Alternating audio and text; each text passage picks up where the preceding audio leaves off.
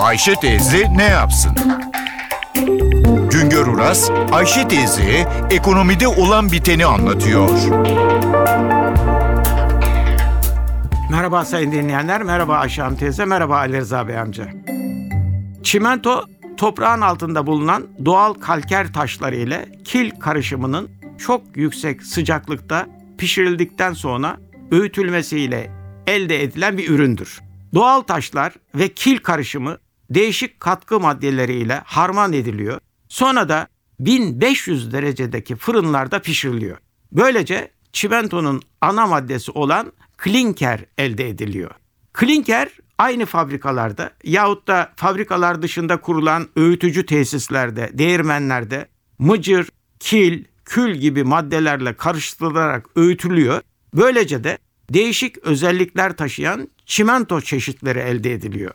Basit anlatımı ile çimento doğadaki toprağın ithal enerji ile pişirilmesi sonucu elde edilen bu nedenle de toprağa bize ait olmasına rağmen göbekten dövize bağlı bir üründür. Çimentonun %50'si enerji maliyetinden oluşuyor. Toplam maliyette işçiliğin payı %9,6 oranında. Türkiye'de 48 entegre tesis yani hem klinker hem çimento öğüten tesis var. 20 de öğütme ve paketleme tesisi bulunuyor. Üretimin büyük bölümünü 6 büyük grup gerçekleştiriyor. Yabancı sermayeli kuruluşların 10 tesisi var. Ayrıca 5 tesiste de ortaklıkları bulunuyor. 2013 yılında 64 milyon ton çimento satıldı. Bunun 54 milyon tonu iç satış, 10 milyon tonu dış satış, ihracat. Dünyada ve özellikle Avrupa'da çimento talebi düşerken bizde iç talep artıyor.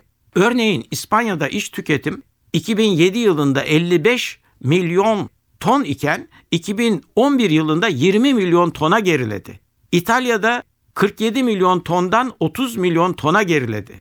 Biz ise dağ taşı betonladığımızdan iç talebe dayalı olarak dünyanın en büyük çimento üreticilerinden biri olduk.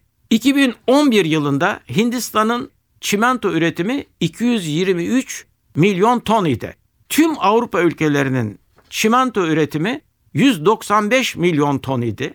Amerika Birleşik Devletleri 67 milyon ton üretiyor. Brezilya 63 milyon ton üretiyor. Türkiye'nin çimento üretimi ise 63 milyon ton.